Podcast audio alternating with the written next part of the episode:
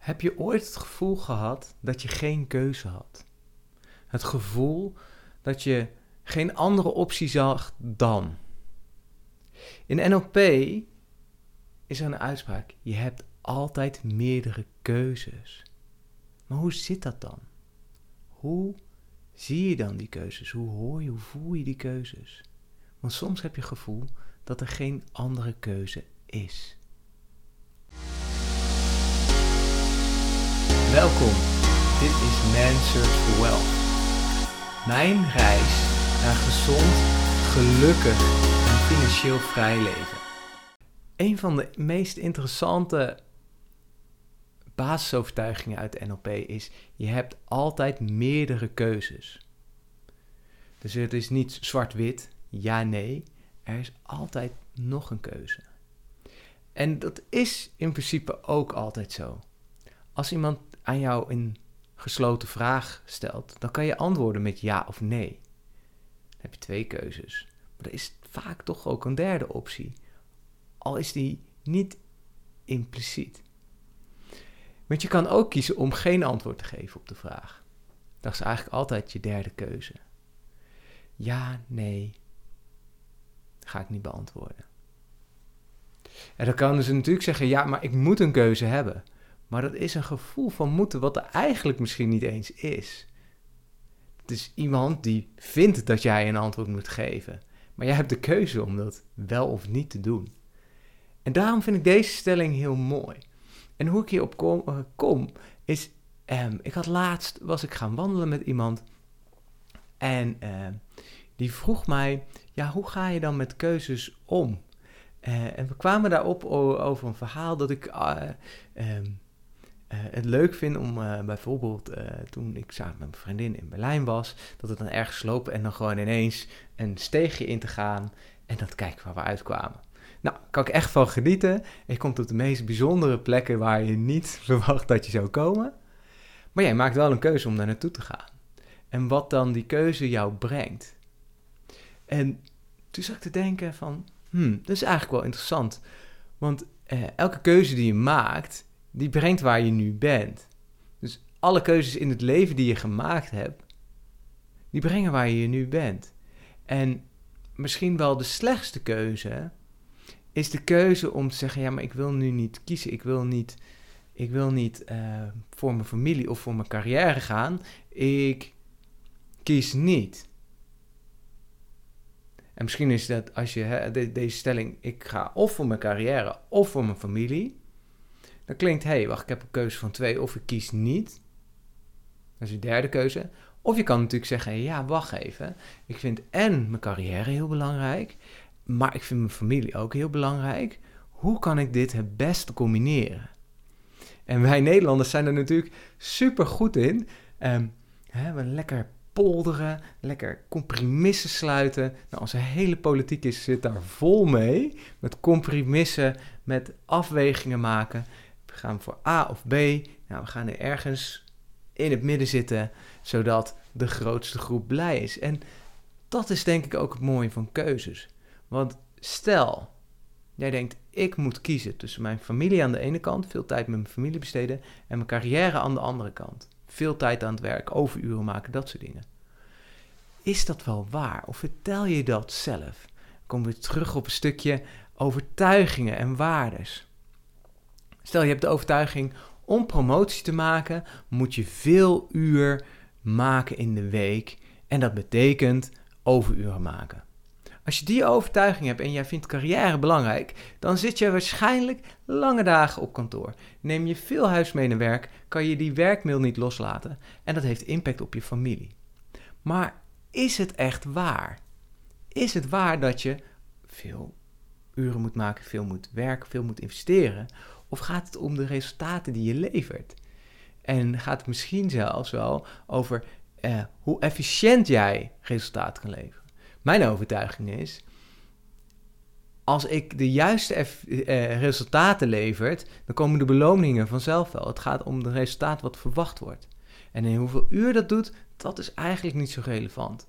Want als ik iets kan doen wat iemand anders zegt, god, dat is mij 10 uur waard in kosten. Moet ik dan die volle 10 uur maken? Of kan het ook al goed zijn als ik zeg: hey, ik ben binnen 4 uur klaar, kan je er eens naar kijken? En hij zegt: Oh, dit ziet er goed uit. En achteraf vraag hoeveel uur heb, ben je bezig geweest? Is dat dan nog relevant? Als hij zegt: Ja, dit is precies wat ik zocht. Alleen in plaats van 10 uur was ik er 4 uur mee bezig. Wat mij betreft niet relevant. Tuurlijk is het heel vervelend als jij uh, voor 10 uur betaalt en voor 4 uur krijgt. Maar ja, als jouw waarde 10 is en je betaalt voor, uh, en je krijgt eigenlijk maar 4, is het dan erg? Je krijgt de waarde die je nodig hebt. Dat is een heel andere manier van kijken naar de zaken. Maar wat heeft dit dan met keuzes te maken? Keuzes zijn iets bijzonders. En uh, terug naar die, die wandeling en dat gesprek. Het leuke vond ik in dat gesprek dat we eigenlijk wel wat dieper gingen. Um, uh, ook op een moment waar ik niet verwacht. En een hele diepe vraag van hoe kijk jij dan naar keuzes? En een mooie uitspraak die ik daar vond is: um, elke keuze, of uh, meerdere malen per dag, heb je een kans om een levensveranderende keuze te maken. Dus elke dag komt er meerdere malen een moment om je leven totaal te veranderen. Het is alleen dat we vaak die keuzes uit de weg gaan, omdat we bang voor zijn, of dat we die keuze niet maken. Of niet zien, omdat we er niet voor openstaan. Maar elke dag kan ik zeggen: Goh, neem bijvoorbeeld, ik vind mijn werk niet meer leuk. Ik stop met mijn baan. Ik ga iets anders doen. Dat kan je elke dag doen. Maar de meeste mensen die hun werk niet leuk vinden, arme mensen, ehm, die maken die keuze niet. Want die missen dan een stukje zekerheid. Want zij willen zekerheid dat ze aan het eind van de maand geld krijgen. En daarom stellen ze die keuze uit totdat de pijn waarschijnlijk zo groot wordt dat ze zeggen nu en niet verder. Ik kap ermee, ik ga iets anders doen. Maar sommige mensen komen nooit op dat niveau. En die kiezen dan, die kiezen dan, ja, kiezen, heel bewust kiezen dan om te blijven waar ze zijn. En eigenlijk te accepteren dat ze één niet kiezen om van het huidige werk wat ze doen het beste te maken. Of twee, iets te gaan doen waar ze meer uithalen. Dus ze kiezen dus voor die derde optie. En die is misschien niet zo expliciet voor hun, maar ze kiezen dus om op dat niveau te blijven waar ze van weten: dit is niet wat ik wil. En dat vind ik super interessant. Want of je nou links gaat, rechts gaat, naar voren of een paar stappen terug om te kijken waar wil ik nou echt heen, het is allemaal niet erg. Alleen als je maar bewust bent van de keuzes die je in het leven kan maken. En daarom vind ik NLP, die, die basisovertuiging ook zo interessant. Er zijn altijd meerdere keuzes. Ook al is de vraag gesloten, ja of nee. Er is altijd, zijn er meerdere keuzes. En ehm, als je dan ook kijkt naar de beschrijving, dan ehm, staat er ook van soms voel of hoor of zie je de keuzes nog niet, maar ze zijn er wel. En dat is dus een kracht of een gevoel of iets. Je moet het, ja, hoe beschrijf je het? Het is iets wat je moet trainen.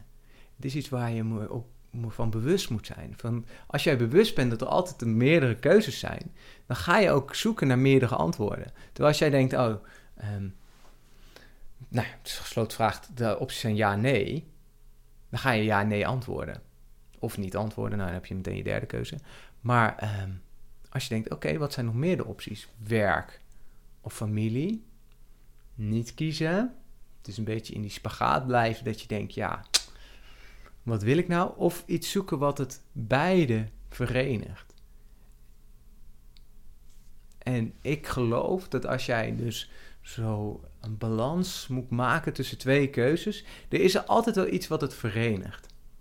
En er zijn hele mooie technieken voor binnen de NLP die je daarbij kunnen helpen om te zoeken wat verenigt nou mijn, uh, de twee keuzes die ik ogenschijnlijk heb. Wat is dan het de common ground, het, het, het, gelijke doel? En als je daarachter komt, dan krijg je ineens een hele andere scala aan keuzes te zien. En dat is dus het mooie. Dus in het leven, elke keuze, elke keuze bestaat uit meerdere opties. En dat zijn er altijd meer dan je verwacht. Dankjewel voor het luisteren. Tot de volgende keer. Dankjewel voor het kijken of luisteren naar deze episode. Vond je het een inspirerende of interessante episode? Vergeet dan niet te abonneren en je duimpje omhoog te doen. Wil je meer inspiratie, meer informatie of gewoon in contact komen met mij? Volg me dan op Instagram. Je bent te vinden onder Menno van Wieringen of uh, waarschijnlijk ook nog steeds onder Man Search for. Alvast dankjewel.